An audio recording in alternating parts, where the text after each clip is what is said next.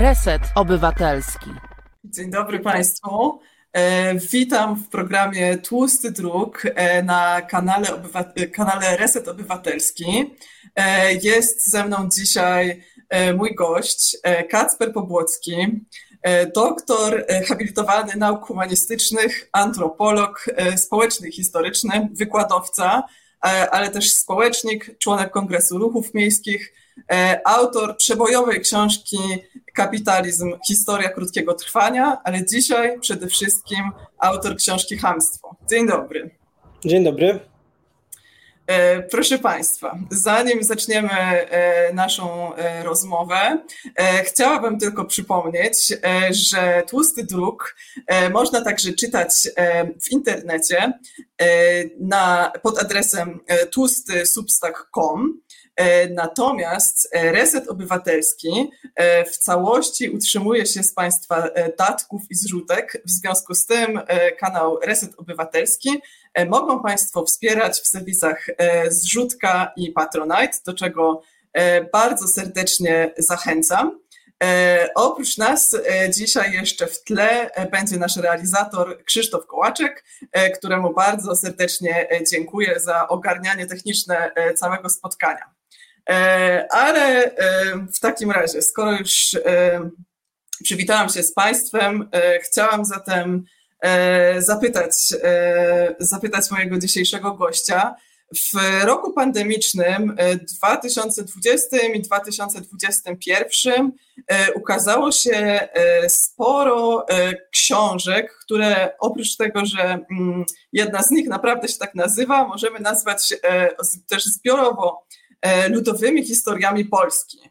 E, I wynotowałam sobie tutaj kilka tytułów, przede wszystkim ludową historię Polski Adama Leszczyńskiego, e, ale też baśnie o wężowym sercu Radka Raka, nagrodzoną nagrodą Nikę Bez Pana i Plebana, 111 gawęd z ludowej historii Śląska, Bękarty Pańszczyzny, jest tego trochę. E, chciałam zapytać w takim razie, e, czy w jakiś sposób, kiedy pisałeś swoją książkę, kiedy już było wiadomo, że ona e, się ma ukazać, czy nie przytłaczał cię ten ogrom literatury ludowej, czy może właśnie wprost przeciwnie, inspirował?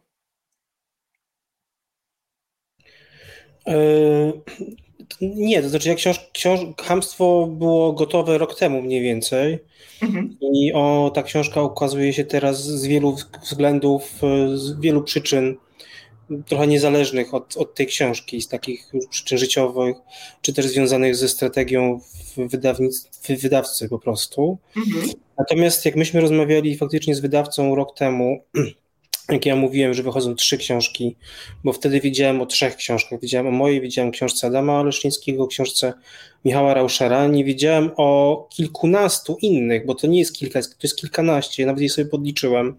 Jest wspaniała książka Upiór Łukasza Kozaka, są panny z, z Wesela. Y, y, y, naprawdę jest bardzo dużo tych książek.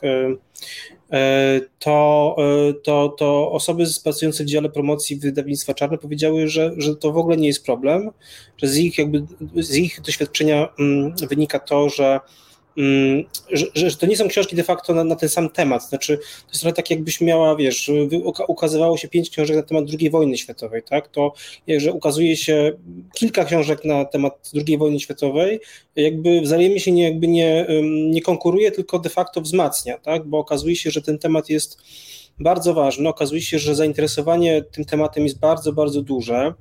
E, faktycznie przez ostatnie powiedzmy 5-6 lat e, wokół tego tematu działy się różne rzeczy. E, nie wiem, Przemysław Wielgosz organizował spotkania.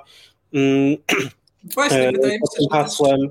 Więc to jest takie trochę hasło, które jest słowem kluczem, które pokazuje, że wiele osób czekało na książki, które mówią o, o przeszłości Polski i miejscu Polski w świecie troszkę inny y, sposób.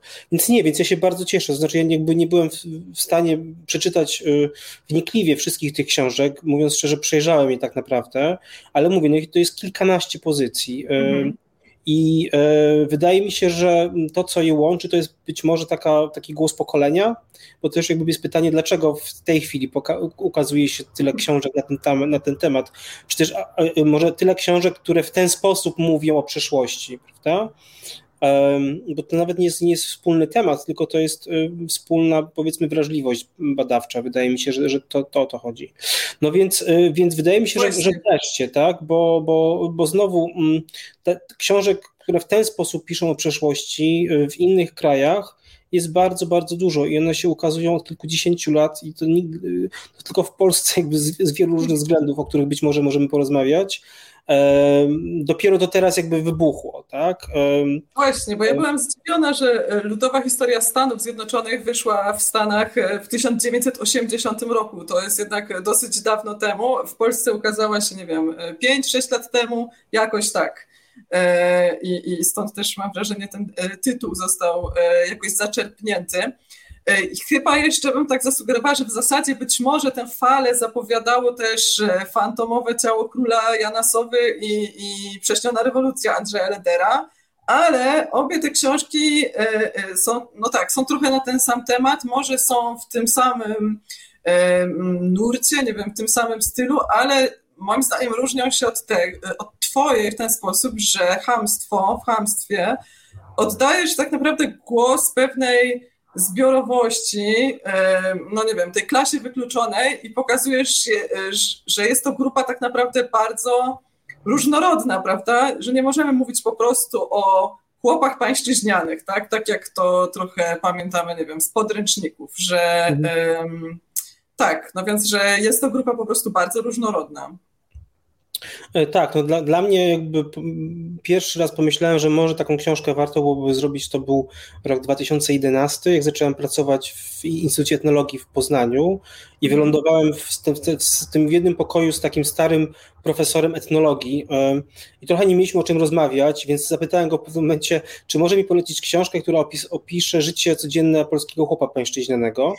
I on zdębiał wtedy. E, on jakby nie dość, że nie był w stanie mi takiej książki wskazać, to wręcz to pytanie go bardzo, bardzo e, e, zdziwiło.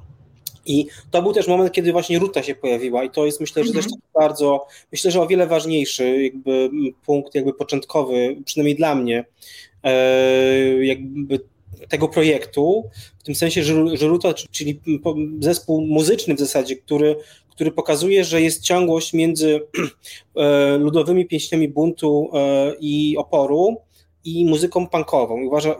Uważam, że to jest genialny, genialny match. Znaczy, to jest genialna, genialne skojarzenie, które właśnie pokazuje e, w zupełnie inny sposób jakby ciągłość tamtej, tamtej przyszłości, tak? Czyli pokazuje w zupełnie inny sposób obecność tamtej przyszłości w naszym w naszym życiu.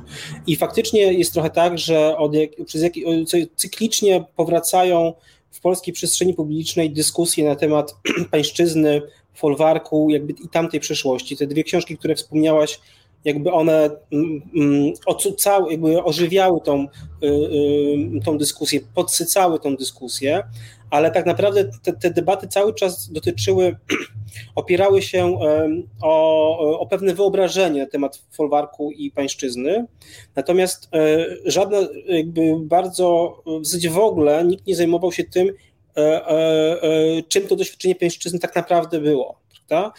E, I, I, nawet tacy badacze z połowy XX wieku, lat, lat 50., 60., 70., którzy jako ostatni gdzieś tam zajmowali się tym, tym tematem, ich te, też to tak za bardzo nie interesowało. To znaczy, to jak tak naprawdę o czym my tak naprawdę mówimy, znaczy na czym polegało doświadczenie pańszczyzny, prawda?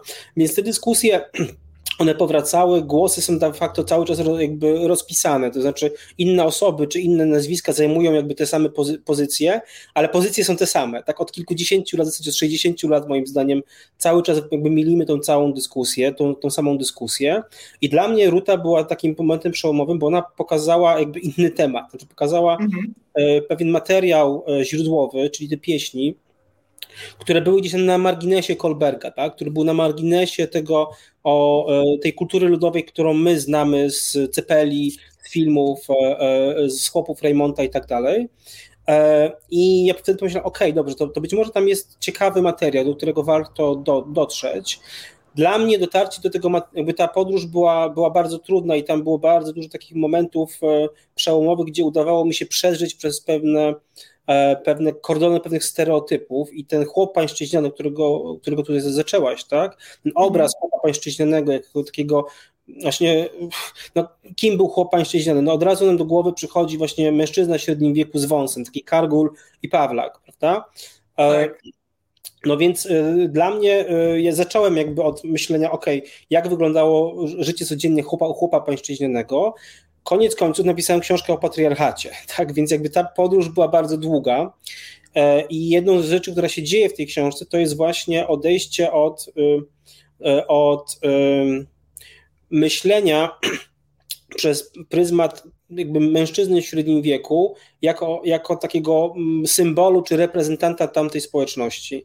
I, e, I okazuje się właśnie, więc, więc jedną z rzeczy, która się dzieje w tej książce, to jest pokazanie różnorodności jakby i wielorakości tamtego społeczeństwa, ale też pokazanie, że, że o wiele lepszym medium w pewnym sensie, o wiele lepszym przewodnikiem, o wiele lepszym takim głównym bohaterem tej opowieści nie jest mężczyzna w średnim wieku, tylko jest y, służąca y, czy we dworze, czy, e, czy e, w, chłopskim, e, w chłopskim gospodarstwie.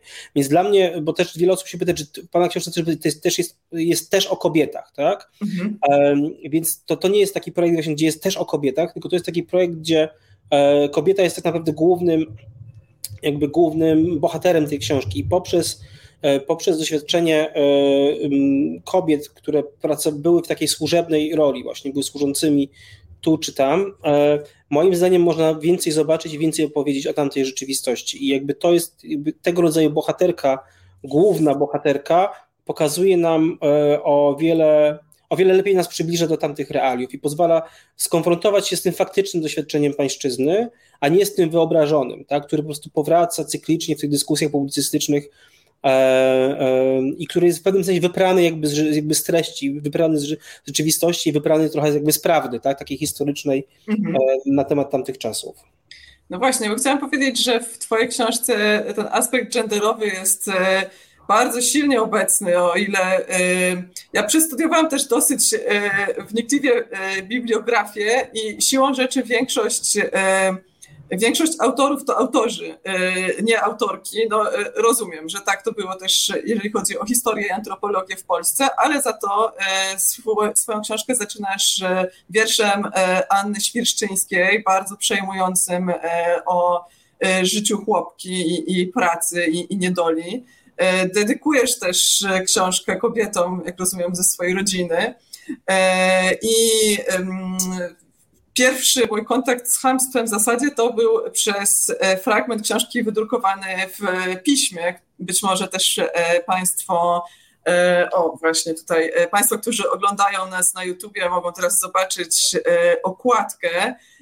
Ta okładka jest też bardzo ważna, zaraz będziemy o niej mówić, natomiast chciałam powiedzieć, że w, tym fragmencie Twojej książki, który został wydrukowany w piśmie, jest e, taki, no myślę, dosyć hardkorowy opis e, przemocy seksualnej, ale też traktowania chłopów i chłopek przez panów, przez ludzi z innej klasy, jak w zasadzie E, jak zwierzynę, jak e, oso- no właśnie nie jak osoby, tak, e, jak kogoś zupełnie, zupełnie innego rodzaju.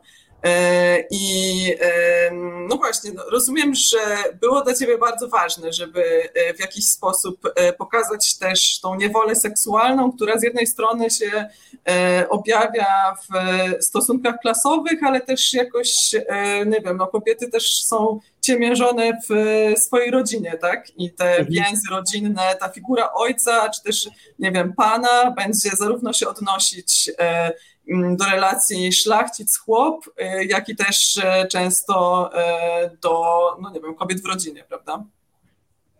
Tak, więc, więc tak jak mówiłem, tak, to był bardzo długi proces i to, co Państwo możecie przeczytać, to jest trzecia wersja książki. I ona się bardzo różni od drugiej i od pierwszej, to znaczy jakby cały czas pracowałem na tym samym materiale, ale mm, widziałem inne i nowe rzeczy. I ten patriarchat, jakby, tak jak powiedziałem, ja nie planowałem napisania książki o folwarcznej genezie patriarchatu.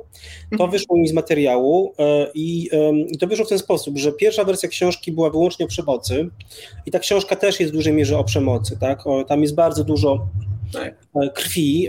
Ja się trochę spodziewałem tej przemocy, ale też skala tej przemocy jednak mnie mocno, e, mocno zaskoczyła, e, więc w pewnym sensie ta książka jest e, zdaniem relacji jakby z tego oceanu krwi i okrucieństwa, który gdzieś tam tkwi w polskiej przeszłości, który immanentnie wiąże się z tym folwarcznym piętnem folwarku, czy z tym doświadczeniem folwarcznym.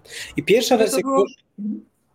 Przepraszam, bo to było też tak wytłumiane przez badaczy póki co, tak? Ty też używasz takiego e, określenia w książce jak e, tłumienie tej skali przemocy, prawda? I postanowiłeś e, dać temu wyraz, jakoś po prostu, no nie wiem, nawet nie przybliżyć, tylko w zasadzie rzucić w twarz czytelnikom i czytelniczkom. Tak, no byśmy, tak może, możemy jeszcze potem porozmawiać być może o tym, dlaczego mm. tak, my żyjemy w takim przekonaniu, ja też jakby w niej żyłem, że e, nasza przeszłość była spokojna i, i wesoła.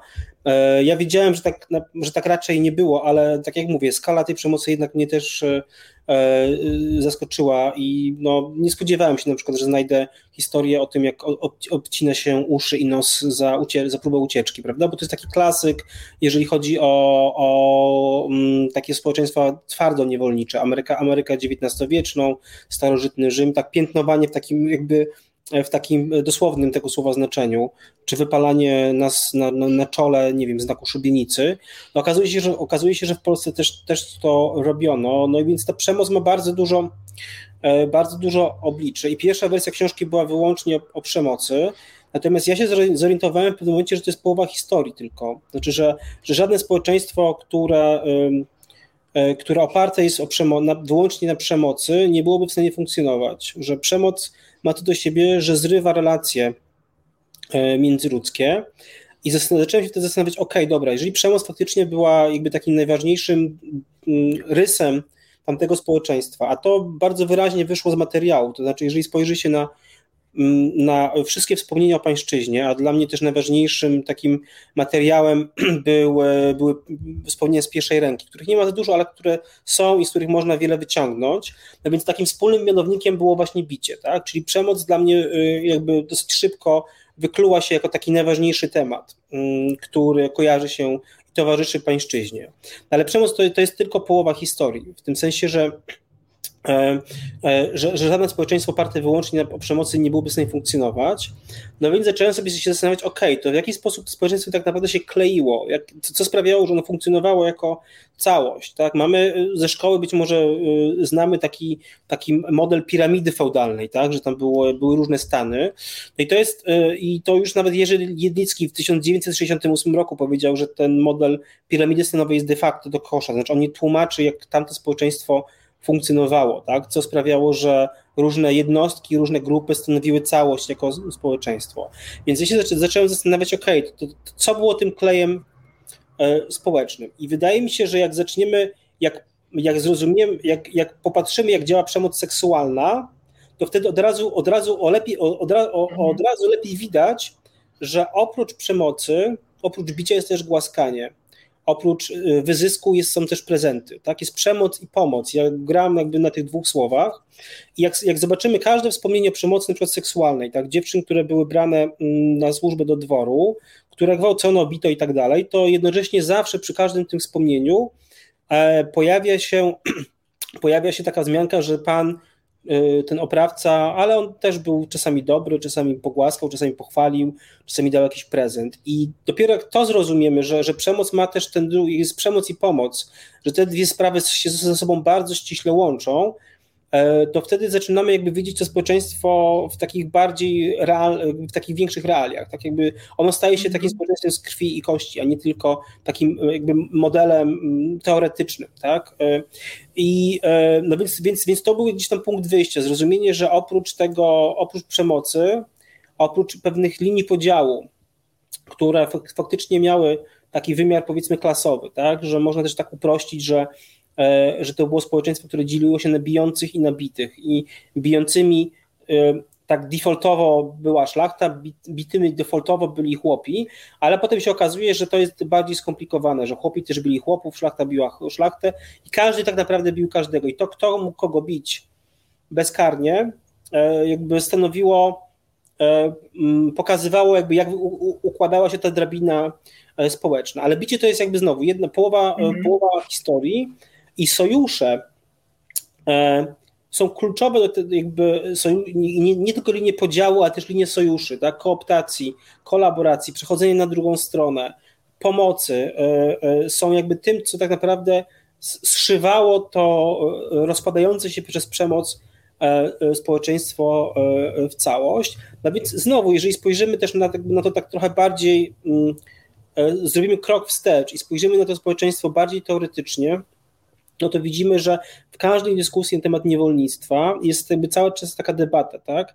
Że jedni mówią, że, że niewolnictwo oparte było na nagiej przemocy i było bardzo brutalne i było strasznie dużo wyzysku i ludzie byli traktowani jak przedmioty i tak dalej, i tak dalej, a z drugiej strony inni mówią, nie, to nie było wcale tak źle, bo, bo właściciel niewolników, pan czasami też był dobry, on czasami był tak jak ojciec, także pomagał, wspierał i tak dalej.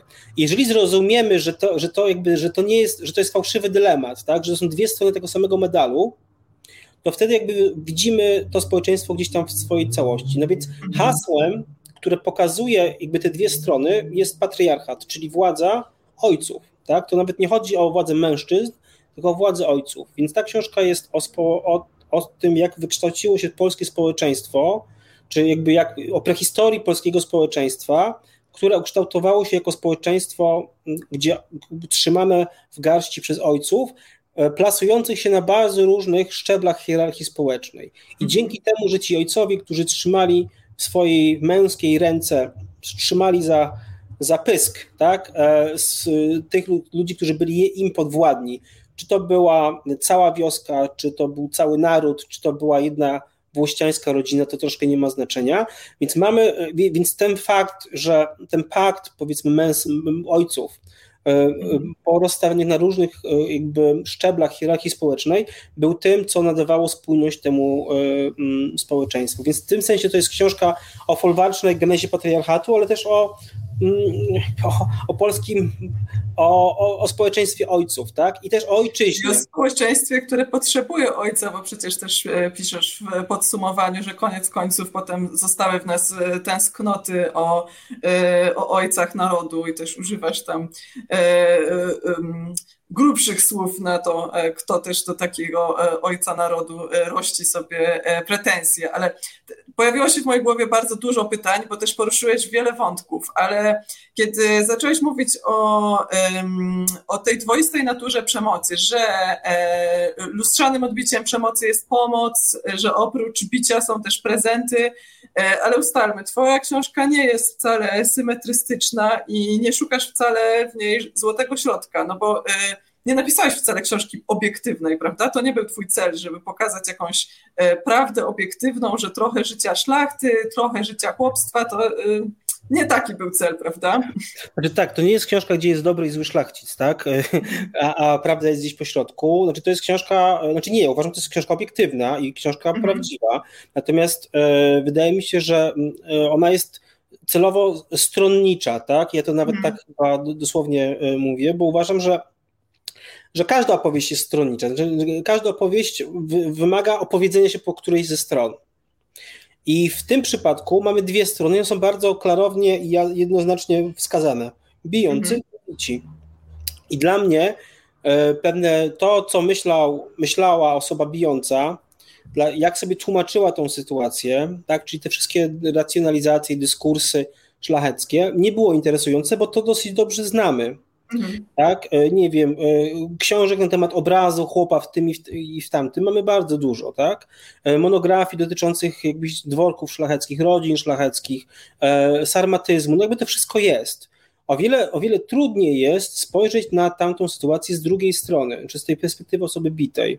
I o wiele, o wiele większym wyzwaniem jest próba refleksji na temat tego, co to bicie robiło z ludzką psychiką, ludzkimi ciałami i de facto z kulturą ludową, bo znowu można o tej książce też powiedzieć w ten sposób, że to jest książka o tym, w jaki sposób kultura ludowa wsi pańszczyźnianej była odpowiedzią na przemoc.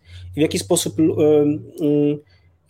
ludzie, którzy byli w tej trudnej sytuacji, bo byli po tej bitej stronie, a nie bijącej, w jaki sposób oni wykształcili pewne mechanizmy samopomocy, które pozwalały im się w tym, y, w tym po prostu przeżyć, tak? Łącznie z, z mechanizmami, nie wiem, e, e, tego, co dzisiaj nazywamy psychoterapią, tak? O tym też jest y, jeden, y, jeden rozdział. Więc nie, to jest książka, e, to jest książka, która, w której ja nie, jakby ja nie udaję, że, że jestem bezstronny, bo ci, którzy mhm. piszą w bezstronny sposób, udają, że są bezstronni. Tak? Ta historia bezstronna, której my się uczymy w szkole, to jest historia państwa.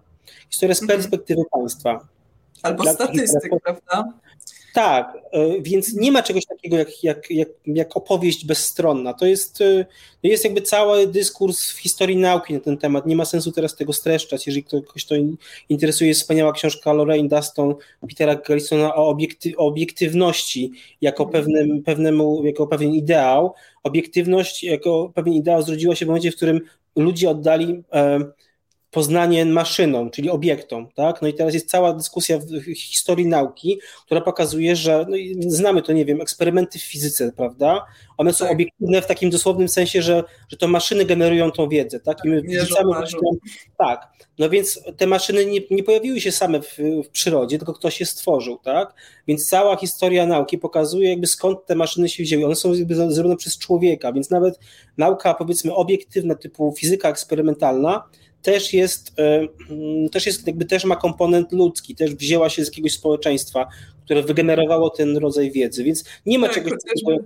Chociażby wybór tematu, prawda, już wpływa na to, co będziemy badać, a czego nie będziemy badać. I sam fakt, że przez e, wiele lat polscy badacze i badaczki e, no, mniej zajmowali się chłopem pańszczyźnianym, teraz e, mówię znowu e, tą szerszą kategorią, natomiast wiemy, że też e, tak, że były to różnorodne grupy. Zastanawiam się jeszcze może na tym, żeby mm, żeby zapytać Cię o to, tak, bo my trochę lubimy myśleć o sobie, my Polacy, w kategoriach takiego narodu, który był, nie wiem, kolonizowany, gnębiony przez okupantów, najeźdźców i zaborców. E, tymczasem ten obraz wydaje się bardziej złożony, tak? I że to jest taka bardziej historia przemocy w rodzinie. Wspomniałeś już o, o tej przemocy ojcowskiej, ale e, niekoniecznie e, mówiąc tutaj o rodzinie takiej po prostu rodzinie nuklearnej, tylko ojcu jako, jako szlachcicu, czy też szlachcicu jako ojcu. I czy możemy w jakiś sposób powiedzieć, znaczy mm, tak, czy możemy porównać w takim razie polskie niewolnictwo z tym niewolnictwem, o którym uczymy się, niewolnictwem w koloniach amerykańskich, nie wiem, w Afryce, e, no bo e, polscy badacze przez dłuższy czas, piszesz, e, mówili, że w Polsce nie było niewolnictwa, bo co? Bo nie było targu niewolników. Zresztą w swojej poprzedniej tak. książce tak. O, może poproszę o pokazanie, e, pokazanie e, okładki kapitalizmu. W swojej poprzedniej książce Kapitalizm, historia krótkiego trwania, zresztą wydaje mi się takim jednym z najbardziej, może nie kontrowersyjnych, ale no nie wiem, dla polskiego dla polskiego czytelnika może kontrowersyjnych rozdziałów jest historia o tym, jak to Mieszko I handlował niewolnikami. E, ja wtedy myślę sobie, ale jak to nasz e, dobry król tutaj piastowski handlował niewolnikami i na tym się opierało jego imperium? E, no więc właśnie, czy można, jakie są analogie między, między pańszczyźniakami, polskimi pańszczyźniakami, a, a niewolnictwem w koloniach, o którym uczymy się, że było dużo bardziej okrutne przecież niż, niż ta nasza wieś spokojna i gospodarka E, folwarczno-pańszczyźniana, czy też tak jak ty piszesz, folwarczno-patriarchalna? Mhm. Znaczy tak, jakby są dwie rzeczy, od których trzeba zacząć. Po pierwsze, mhm. e, jak mówimy o, nie, o instytucji nie, niewolnictwa czy niewoli, to zwykle mówimy o dwóch doświadczeniach historycznych. W starożytnym Rzymie i o nowożytnej Ameryce, tak? Ameryce, Karaibach powiedzmy, XVIII-XIX wiek. Natomiast krajobraz niewolnictwa jest o wiele bardziej różnorodny i to w pewnym sensie, w sensie były wyjątki, być może najlepiej znane dla zachodnich e, e, badaczy, prawda? Natomiast e, w tej chwili dysponujemy badaniami porównawczymi naprawdę z całego świata i one troszkę zmieniają obraz jakby mm, tej, tej dyskusji. To jest pierwsza rzecz. Druga rzecz jest taka, że ta dyskusja powiedzmy dwudziestowieczna, tak, czy pańszczyzna była niewolnictwem, tak czy nie. Ona, dotyczy, ona mm, porównywała pańszczyznę z pewnymi, jakby porównywała praktykę z teorią. Znaczy polską praktykę z teorią właśnie rzymską najczęściej i mhm. amerykańską. I okazuje się, że jeżeli spojrzymy na to, jak nie wyglądały w teorii te wszystkie różne y, społeczeństwa niewolnicze, ale w praktyce, to podobieństw jest bardzo dużo. Więc mnie interesuje przede wszystkim jakby krajobraz powiedzmy globalny, porównawczy. To jest jedna rzecz, że dla mnie jakby Ameryka i Rzym nie jest jakby taką, takim metrem severs, tak? Nie jest jakby takim mm. modelem idealnym niewolnictwa. A druga rzecz to jest taka, że dla mnie trochę to nie ma znaczenia, jak nazwiemy tam to społeczeństwo, czy to będzie niewolnictwo, czy niewola, czy pańszczyzna. Mnie interesuje tak naprawdę, jak to wyglądało w praktyce i co to robiło z ludzką psychiką, z ludzkimi ciałami i, i z kulturą mhm. i ze społeczeństwem. No i teraz jest wspaniała książka Orlando Pattersona e, Niewolnictwo jako społeczna śmierć która jest takim najlepszym z lat 80., stara książka strasznie, ale która do dzisiaj jest e, takim najlepszym, e, najlepszą syntezą tego właśnie, o czym mówię, czyli jakby to jest globalna, globalna przebieżka przez bardzo różne społeczeństwa niewolnicze, od tych dwóch, o których wspomniałem, ale też, nie wiem, Afryka, e, średniowieczna, e, średniowieczne Chiny i tak dalej, i tak dalej. Więc on patrzy tak naprawdę na wszystkie społeczeństwa niewolnicze i wychodzi mu z tego, i patrzy też nie na teorię, tylko na praktykę, jak one wyglądały w rzeczywistości. I okazuje się, że dla nie, jakby takim wspólnym mianownikiem tych wszystkich bardzo różnorodnych społeczeństw, tak, bo one są bardzo różne i geograficznie, i historycznie, jest to, że niewola, niewolnictwo, czyli przymusowa e, e, darmowa praca, tak, e, mm, ona opiera się na instytucji społecznej śmierci, czyli na tym, że osoba, która wykonuje tą przymusową i darmową pracę, uważana jest za rzecz. Znaczy jest uważana, nie jest uważana za człowieka, ale jednocześnie jest człowiekiem. I to jest jakby cały paradoks. I to tak samo niewolnicy w starożytnym Rzymie, którzy teoretycznie byli e, przedmiotami w prawie, wszyscy wiedzieli, że oni tymi przedmiotami, by, że nie mhm. przestaną być ludźmi. Więc to, to, to, to, ta sytuacja społecznej śmierci, że jesteś jednocześnie martwy i żywy, że jesteś jakby oddychającym narzędziem, że jesteś żywym trupem, jesteś oddychającą maszyną, tak? Jesteś zombie, tak? Więc tak, więc jak się poczyta, poczyta relacje o, pańsz, o pańszczyźnie, u mnie jakby pojawia się w książce Jakub Bojko, który o tym mówi wprost, on mówi, mhm. że maszyna zabiła chłopie, chłopie człowieka. Znaczy, pańszczyzna zabiła w chłopie człowieka, mhm. zrobiła maszynę do pracy grad, przedmiot. Jak ja to czytam, to ja znam jakby ten kontekst porównawczy, znam tę książkę Orlando Pattersona. Mhm. Dla mnie to jest bardzo jasne i klarowne, że polskie doświadczenie też wpisuje się jakby w ten krajobraz globalnej, globalnego niewolnictwa, który robi z człowieka przedmiot, czyli mhm. przedmiot, uprzedmiotawia człowieka. I okazuje się, że i to jest rozdział, pierwsze trzy rozdziały są troszkę o tym, rozdział trzeci, jego puenta jest właśnie taka, że, że na Karaibach tego rodzaju doświadczenie zostało opowiedziane, więc kultura ludowa też to rozumie, tak? To jest też bardzo mm. dla mnie ważne i ciekawe, tak? Że ludzie to rozumieli. Wyrażali to trochę w inny sposób niż my dziś, byśmy to dzisiaj powiedzieli. Mm. Dlatego dla mnie takim najważniejszym właśnie materiałem jest, jest Kolberg, tak? Jest kultura ludowa po prostu, bo oni doskonale sobie... też wytłumiał. To wytłumiał, nie wytłumiał. Tam jest dużo rzeczy, które y, on on kolekcjonował rzeczy, więc on, tak, on pewne rzeczy odrzucał, ale generalnie w Kolbergu jest bardzo dużo rzeczy, które, na które można spojrzeć na nowy, na, mhm. E, w nowy sposób. Ale chodzi mi o to, że, że, że widać, że i w Polsce, więc mamy w Polsce figurę e, wampira, strzygonia, e, mhm. upiora. Znowu, książka Łukasza Kozaka w genialny sposób jakby bierze ten wątek i robi z tego jakby jeszcze inny temat, tak? Ja mam o tym tam cztery strony w trzecim rozdziale, a on z tego zrobił całą książkę opartą też na, nowym materiale i gdzieś tam potwierdza. Wspaniała książka. Jest wspaniała, moja jakby z tego całego zwrotu ludowego y, mój absolutny fa faworyt. Y, no więc okazuje się, że, że w podobnym czasie na Karaibach jest zombie. I jakby nie ma żadnych bezpośrednich e, związków między Karaibami a Pol dawną Polską, prawda? Są dwa zupełnie odrębne społeczeństwa, które są w żaden sposób ze sobą niepowiązane. I w jednym i w drugim ludzie wymyślili, zaczęli opowiadać sobie historię o bardzo podobnych stworzeniach, mhm. bardzo podobnych istotach, po to, żeby powiedzieć, powiedzieć o wspólnym losie gdzieś tam tak? Więc, e, więc, więc, e, więc tak, i, i znowu, więc e, wiesz, jak, jak, jak spojrzysz na tę dyskusję, która wraca rytualnie co jakiś czas, tak? To, jest, to są znowu dwa, dwa stanowiska. Pańszczyzna była powodem polskiego zacofania, powodem rozbiorów i jest największym nieszczęściem, które się przydarzyło w Polsce i generalnie Polska po prostu jest w, jest na szarym końcu od zawsze, bo ta pańszczyzna cały czas gdzieś tam, to doświadczenie pańszczyzny trzyma nas w tym zacofaniu, tak? A z mhm. drugiej strony mówią, nie, nie, to wcale nie było takie złe, to bo właśnie Pan był też dobry i e, e, wspomagał chłopów, jak oni nie mieli na przedmówku zboża, to im pomagał i bez tego Pana ten chłop to w ogóle by sobie nie, nie poradził, nie było tak źle, tak?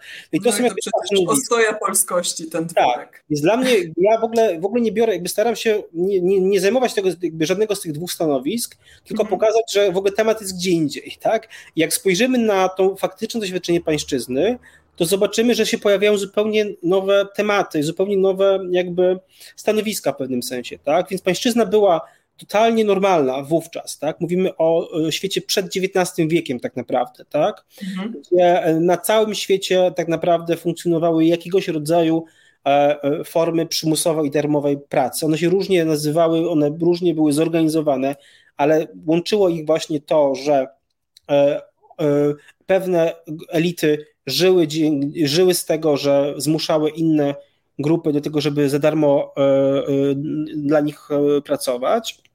Więc w tym sensie to pańszczyzna była zupełnie jakby normalna, w takim sensie, że nie była wyjątkiem, ale też była zawsze specyficzna, tak?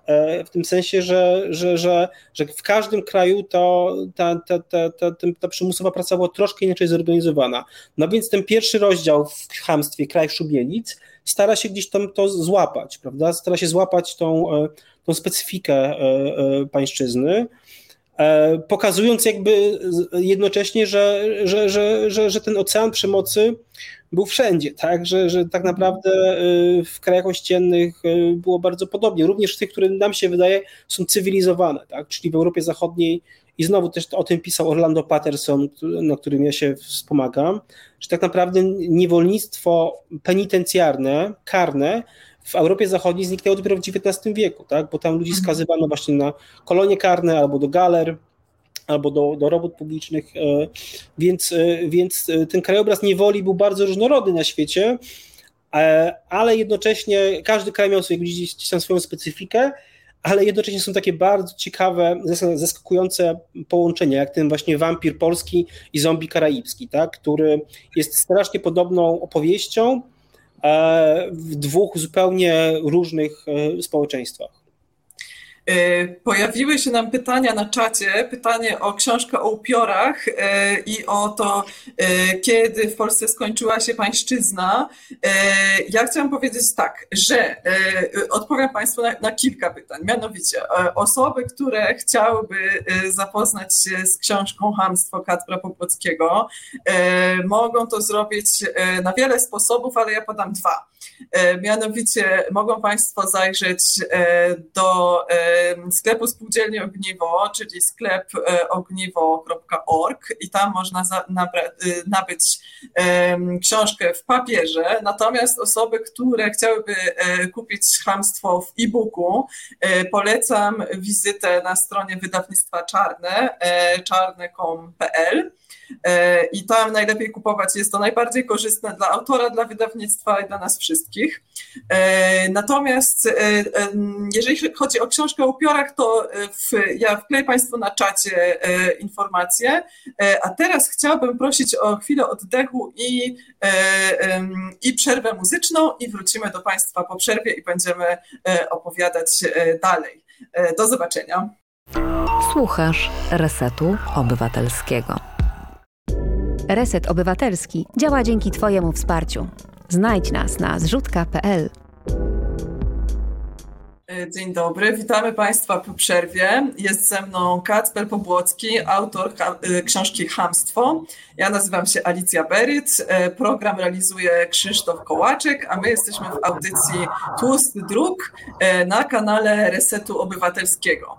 Przypominam Państwu, że Reset Obywatelski utrzymuje się z Państwa składek i zrzutek i działalność Resetu mogą Państwo wspierać w serwisach zrzutek Rzutka i Patronite. E, natomiast e, recenzję naszego kolektywu recenzenckiego Tłusty Druk e, mogą Państwo czytać na stronie tłusty.substack.com, do czego serdecznie zapraszam. Ale teraz wracamy już do naszej dyskusji. Mianowicie padło tutaj pytanie od pani Katarzyny o jakim czasie mówimy? Kiedy w zasadzie, jak, kiedy trwała pańszczyzna, kiedy skończyła się w Polsce pańszczyzna? No więc nie ma na to jakby jedno, jednoznacznej odpowiedzi. Ja um, piszę o 300 latach, czyli od um, końca XVI wieku do końca XIX wieku, ale tak naprawdę mówimy o XVII i XVIII wieku, czyli o tej Polsce przedrozbiorowej, i na pewno przeduwłaszczeniowej. I na tym też polega cała trudność, bo większość materiałów, który, którymi dysponujemy, to jest materiał z XIX wieku, kiedy e, polska wieś była zupełnie inna. E, Chłopi Raymonta. W zasadzie wspaniała książka, ja ją bardzo lubię, ale ona opisuje rzeczywistość jakby zupełnie inną. Rzeczywistość, w której chłopi mogli posiadać ziemię i to de facto zmieniło wszystko i e, taki Kargul i Pawlak, tak, taki stereotyp właśnie polskiego chłopa, którzy kłócą się o miedzę, to jest jakby inna rzeczywistość e, i ta pańszczyzna yy, wyglądała zupełnie, zupełnie inaczej, więc chłopi na przykład nie byli, jakby nie, nie mogli posiadać ziemi, i przez to byli bardzo mobilni i y, żyli, żyli, takim bardzo prekarnym życiem. Ja tam bardzo celowo używam tego słowa, bo e, w pewnym sensie e, jakby chłop pańszczyźniany był bardziej współczesny niż ten Kargul i Pawlak, tak? który, mm -hmm. który, jest, który walczy po prostu e, o, o ten kawałek między. Więc skala na przykład mobilności tych, tych ludzi była bardzo duża, o wiele większa niż, niż nam by się mogło wydawać. No i tam Właśnie. jest bardzo Mnóstwo ja mogę... Y, tak. Czy ja mogę Ci przerwać w takim razie, ponieważ temat mobilności bardzo mnie zainteresował, bo y, obadasz różne stereotypy dotyczące y, chłopów, tego, że nie byli wcale bierni, tego, że byli tak naprawdę bardzo różnorodni, natomiast mówili wieloma językami. Natomiast jednym z takich stereotypów, no nie wiem, coś takiego, co mnie uderzyło, to jest właśnie to, że klasa ludowa była tak naprawdę e, bardzo mobilna i być może nawet bardziej mobilna niż klasa panów e, i dlatego, że e, no cóż, nic ich nie trzymało tutaj, w związku z tym mogli bardzo szybko się przemieścić w inną część Europy i zostać po prostu, nie wiem, zostać chłopami gdzieś indziej, ale to też nie tylko chłopi pańszczyźniani, tylko później też robotnicy, prawda? Tak, no więc jest ileś tam grup społecznych, które w ogóle nie pasują do tego modelu feudalnej piramidy. Ja bardzo celowo zaczynam tę książkę o historii o budnikach, mhm. czyli o bardzo specyficznej grupie zawodowej, która wyjechała, uciekła z Polski, tamtej Polski, nie tylko do Europy, ale też jakby na, drugi, na, drugi, na drugą stronę Atlantyku i która, o której wiadomo, że e, rozpoczęła pierwszy strajk w historii Stanów Zjednoczonych. I ta historia jest dla mnie ważna z wielu, z wielu względów, ale między innymi dlatego, że właśnie ona pokazuje tą mobilność, o której ty mówiłaś, tak? że ludzie faktycznie wówczas przemierzali bardzo duże odległości. E, pokazuje też to, że, e, że, że tam były bardzo różne grupy, które nie pasują do tego modelu, który, który my cały czas mamy wtłoczony mhm. E, w szkole. No I pokazuje też e, to, że klasa ludowa mm, e, miała pewne utopie. Tak? To jest temat utopii ludowych, który też jest tam ważnym elementem tej książki. No i my to troszkę znamy z kultury, takiej popkultury, czyli takie wyobrażenie o krajach, gdzie gorzałka leci z nieba, gdzie domy są zbudowane z twarogów, E, tak, e, e, czy tam z kiełbasek, tak, z piernika, domki z piernika i tak dalej.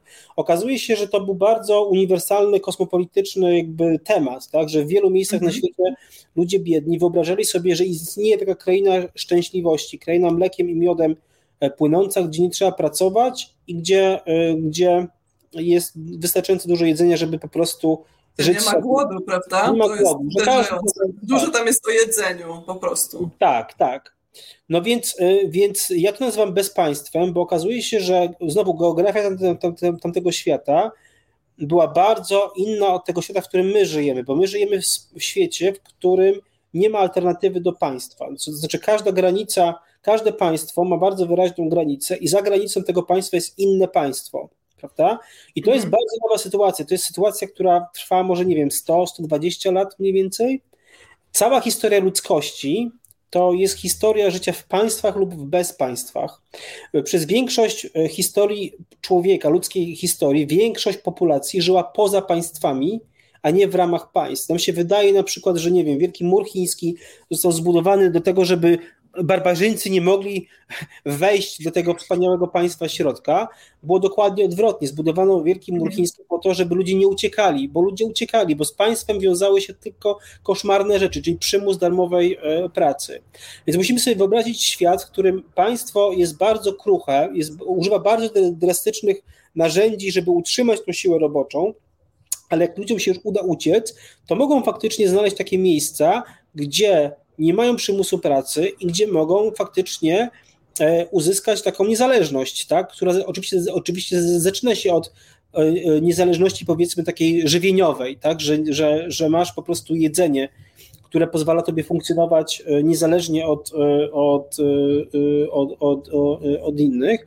A to jest tak naprawdę punkt wyjścia do, do stworzenia społeczeństwa, które rządzi się troszkę innymi, takimi bardziej egalitarnymi zasadami i tych jakby ludowych utopii było bardzo dużo. Piraci na przykład, mm -hmm. tego rodzaju społecznością, która, e, e, która rządziła się takimi zasadami mniej więcej jak spółdzielnie dzisiaj. To być może też dla Ogniwa jest, jest ciekawa, ciekawa anegdota. No ale nie sprzedajemy niewolników tak jak sprzedawali piraci, prawda? Bo piszesz no o tym, tak, że z jednej jest... strony mieli własne bardzo wolnościowe i anarchistyczne społeczeństwo, ale na zewnątrz znowu handlowali też e, po prostu z, no, z państwami, które tych niewolników potrzebowały, tak? Więc tak, bo, bo e, nie, my tak nie robimy.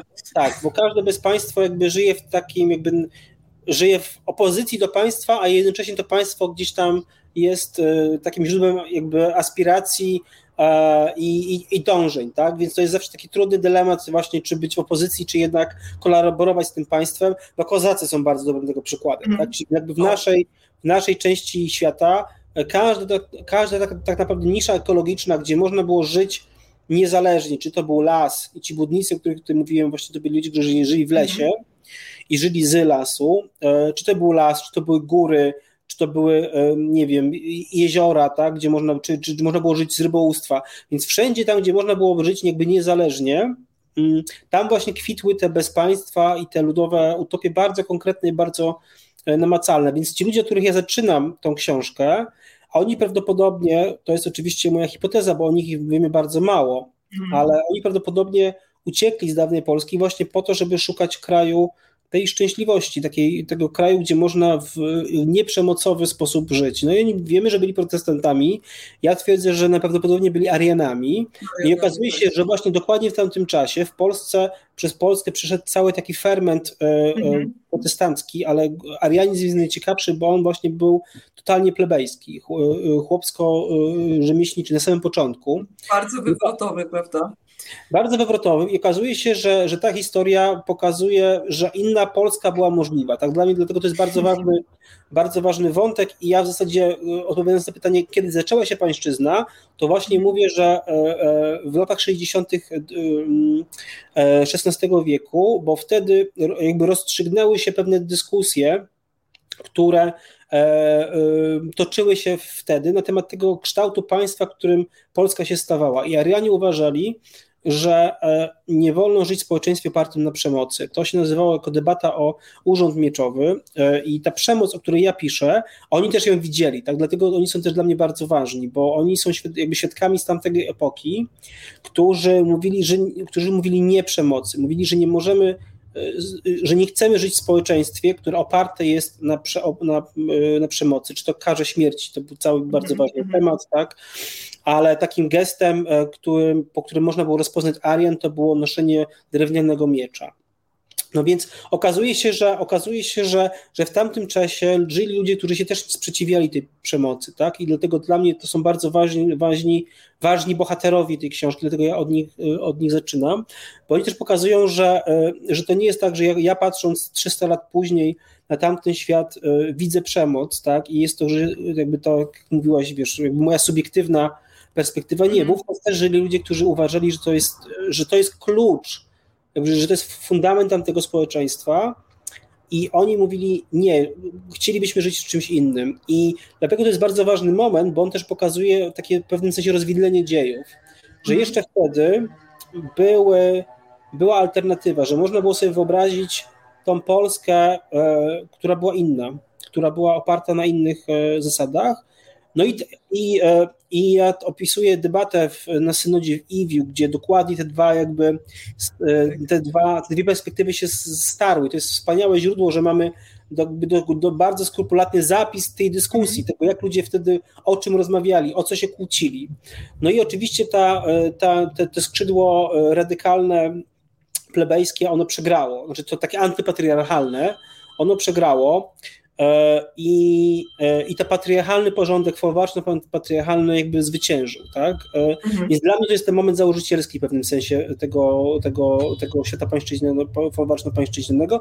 No i on się kończył pod koniec w różnych zaworach różnie, tak? Mhm.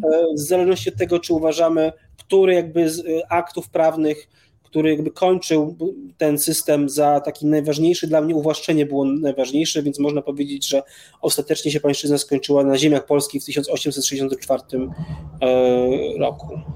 Tak, ponieważ zostały nam 4 minuty naszego programu. Ja wiedziałam, że to y, minie raz, dwa, więc chciałabym zadać ostatnie pytanie już w zasadzie na koniec, e, bo wspominasz też w swojej książce e, Didiera Ribona, który pisze w Powrocie do Reims, o tym, że e, kraina, e, że kraj jego dzieciństwa e, był dla niego w zasadzie jak obcy kraj. Ja chciałam zapytać w nawiązaniu do Eribona i do tego przepracowywania swojego klasowego pochodzenia, czy my jako społeczeństwo możemy zrobić coś takiego jak powrót do Polszczy, czy ten zwrot ludowy, no bo używasz w swojej książce raczej słowa Polszcza niż Polska, e, tak. na co już pewnie e, nie wiem, czy uda się wytłumaczyć dlaczego, e, ale czy ten zwrot ludowy teraz w literaturze historycznej, socjologicznej, antropologicznej, czy spowoduje jakąś taką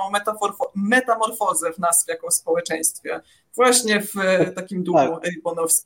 Czy ja bym chciał, żeby, żeby ta dyskusja o pańszczyźnie i folwarku, która wraca rytualnie co jakiś czas, żeby ona się zmieniła, tak? To znaczy, żeby ona już nie mhm. dotyczyła pewnych wyobrażeń, tylko pewnych realiów, tak? I dlatego, tak dlatego tą książkę napisałem, żeby, żeby każdy mógł sobie zobaczyć tak naprawdę o czym my rozmawiamy, bo okazuje się, że ten folwark i ta pańszczyzna naprawdę była inna planeta i to było zupełnie coś innego niż nam się wydaje. I jeżeli zrozumiemy, czym to było, to wtedy też widzimy, że cień tej pańszczyzny kładzie się inaczej niż nam się wydawało. Tak? Więc dla mnie jakby takim najważniejszym piętnem pańszczyzny jest patriarchat, czyli społeczeństwo oparte na absolutnej władzy ojców. I to jest jakby klucz, to jest, to, to jest ten folwark, który tkwi w nas wszystkich, tak? Mm. który my musimy sobie przerobić. Przekonanie, że dzieci na przykład wolno bić. Tak? Mm. Jak ja pisałem tą książkę, to się przytoczyła ta dyskusja ja miałem dreszcze dosłownie na plecach, jak ja to, jak ja to czytałem, bo dla mnie to było bezpośrednio związane właśnie z tamtym światem, który oparty był na e, przemocy.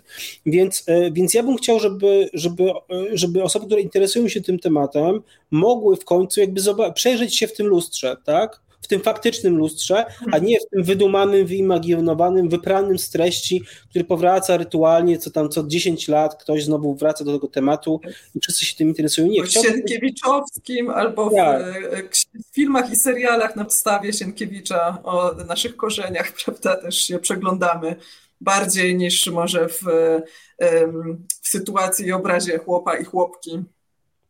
Tak, więc zobaczmy, o czym my tak naprawdę mówimy i zobaczymy wtedy, gdzie jakby ta przeszłość nas tkwi. Ona, ona gdzieś tam jest, ale też i ta książka, dlatego nadaje tamtemu krajowi inną nazwę. Tu nie mówię o Polsce, bo tamten świat był bardzo inny od tego, e, w którym my żyjemy. O tym nie mieliśmy czasu, żeby rozmawiać. Trochę o tych bezpaństwach mówiliśmy, ale jakby naprawdę na każdym polu to była inna planeta i to też było dla mnie takie bardzo um, szoku, takie ciekawe doświadczenie, tak, że mamy dostęp do tamtego świata poprzez język, który nas łączy z tymi ludźmi, bo mówimy bardzo podobnym językiem, ale jednocześnie naprawdę to jest obcy kraj, to jest naprawdę inna rzeczywistość, to jest totalny Mars. I też jakby, więc też ta książka może być zaskakująca dla wielu osób, właśnie z tego względu, tak, że okazuje się, że tamte społeczeństwo było, rządziło się naprawdę e, innymi zasadami, tak, które ja staram się mhm. tak w miarę prosty sposób e, e, wytłumaczyć i one też jakby miały daleko idące konsekwencje, tak, ten zombie czy, czy wampir, o którym też mam cały rozdział, gdzieś tam jest do, przykładem tego, tak? jakie były konsekwencje tej, tej odmienności tego społeczeństwa, no bo my nie żyjemy w świecie, w którym mm, ludzi biją w pracy, tak jakby tak, jakby tak masowo, tak? E, więc ta przemoc, w której my żyjemy ma jakby inny charakter i wiele mhm. rzeczy się zmieniło. E, ale coś zostało. I to nie jest to, o czym zwykle mówimy, jak wraca ten temat po prostu rytualnie w mediach. Tak? Dlatego mm -hmm. chciałbym, żeby, żeby, żeby w końcu zacząć mówić w pewnym sensie o konkretach. Tak? I to jest być może taki najważniejszy cel tej książki. E, niestety, wybiła godzina 19 i będziemy musieli kończyć. E, państwa, którzy chcieliby posłuchać e, jeszcze, zapraszamy w czerwcu do Spółdzielni Ogniwo, na fanpage'a Spółdzielni Ogniwo. Będę miała przyjemność rozmawiać z Kacprem Pobłockim raz jeszcze, miejmy nadzieję dłużej i omówimy już wszystko, wszystkie interesujące tematy w hamstwie i innych książkach Kacpra Pobłockiego, mam nadzieję, że również. Państwa, którzy chcą nabyć książkę, zapraszam do E, na stronę sklep.ogniwo.org. Osoby, które chcą nabyć e-booka na stronę wydawnictwa czarne.com.pl. Przypominam, że e, Reset Obywatelski e, utrzymuje się z Państwa datków. W związku z tym serdecznie zachęcam do wspierania Resetu Obywatelskiego na, na portalach Zrzutka i Patronite. E, dziękuję również naszemu realizatorowi Krzysztofowi Kołaczkowi, ale przede wszystkim dziękuję mojemu dzisiejszemu gościowi, e, Kacprowi Pobłockiemu. E, bardzo serdecznie. Mam nadzieję, że audycja była dla Państwa ciekawa. Zapraszam na Tłusty Druk w przyszłym tygodniu o 18. Do widzenia. Reset Obywatelski. Podobał Ci się ten program? Reset to medium obywatelskie, którego jedynymi sponsorami jesteście wy, odbiorczynie i odbiorcy. Wesprzyj nas na zrzutka.pl i pomóż budować niezależne medium.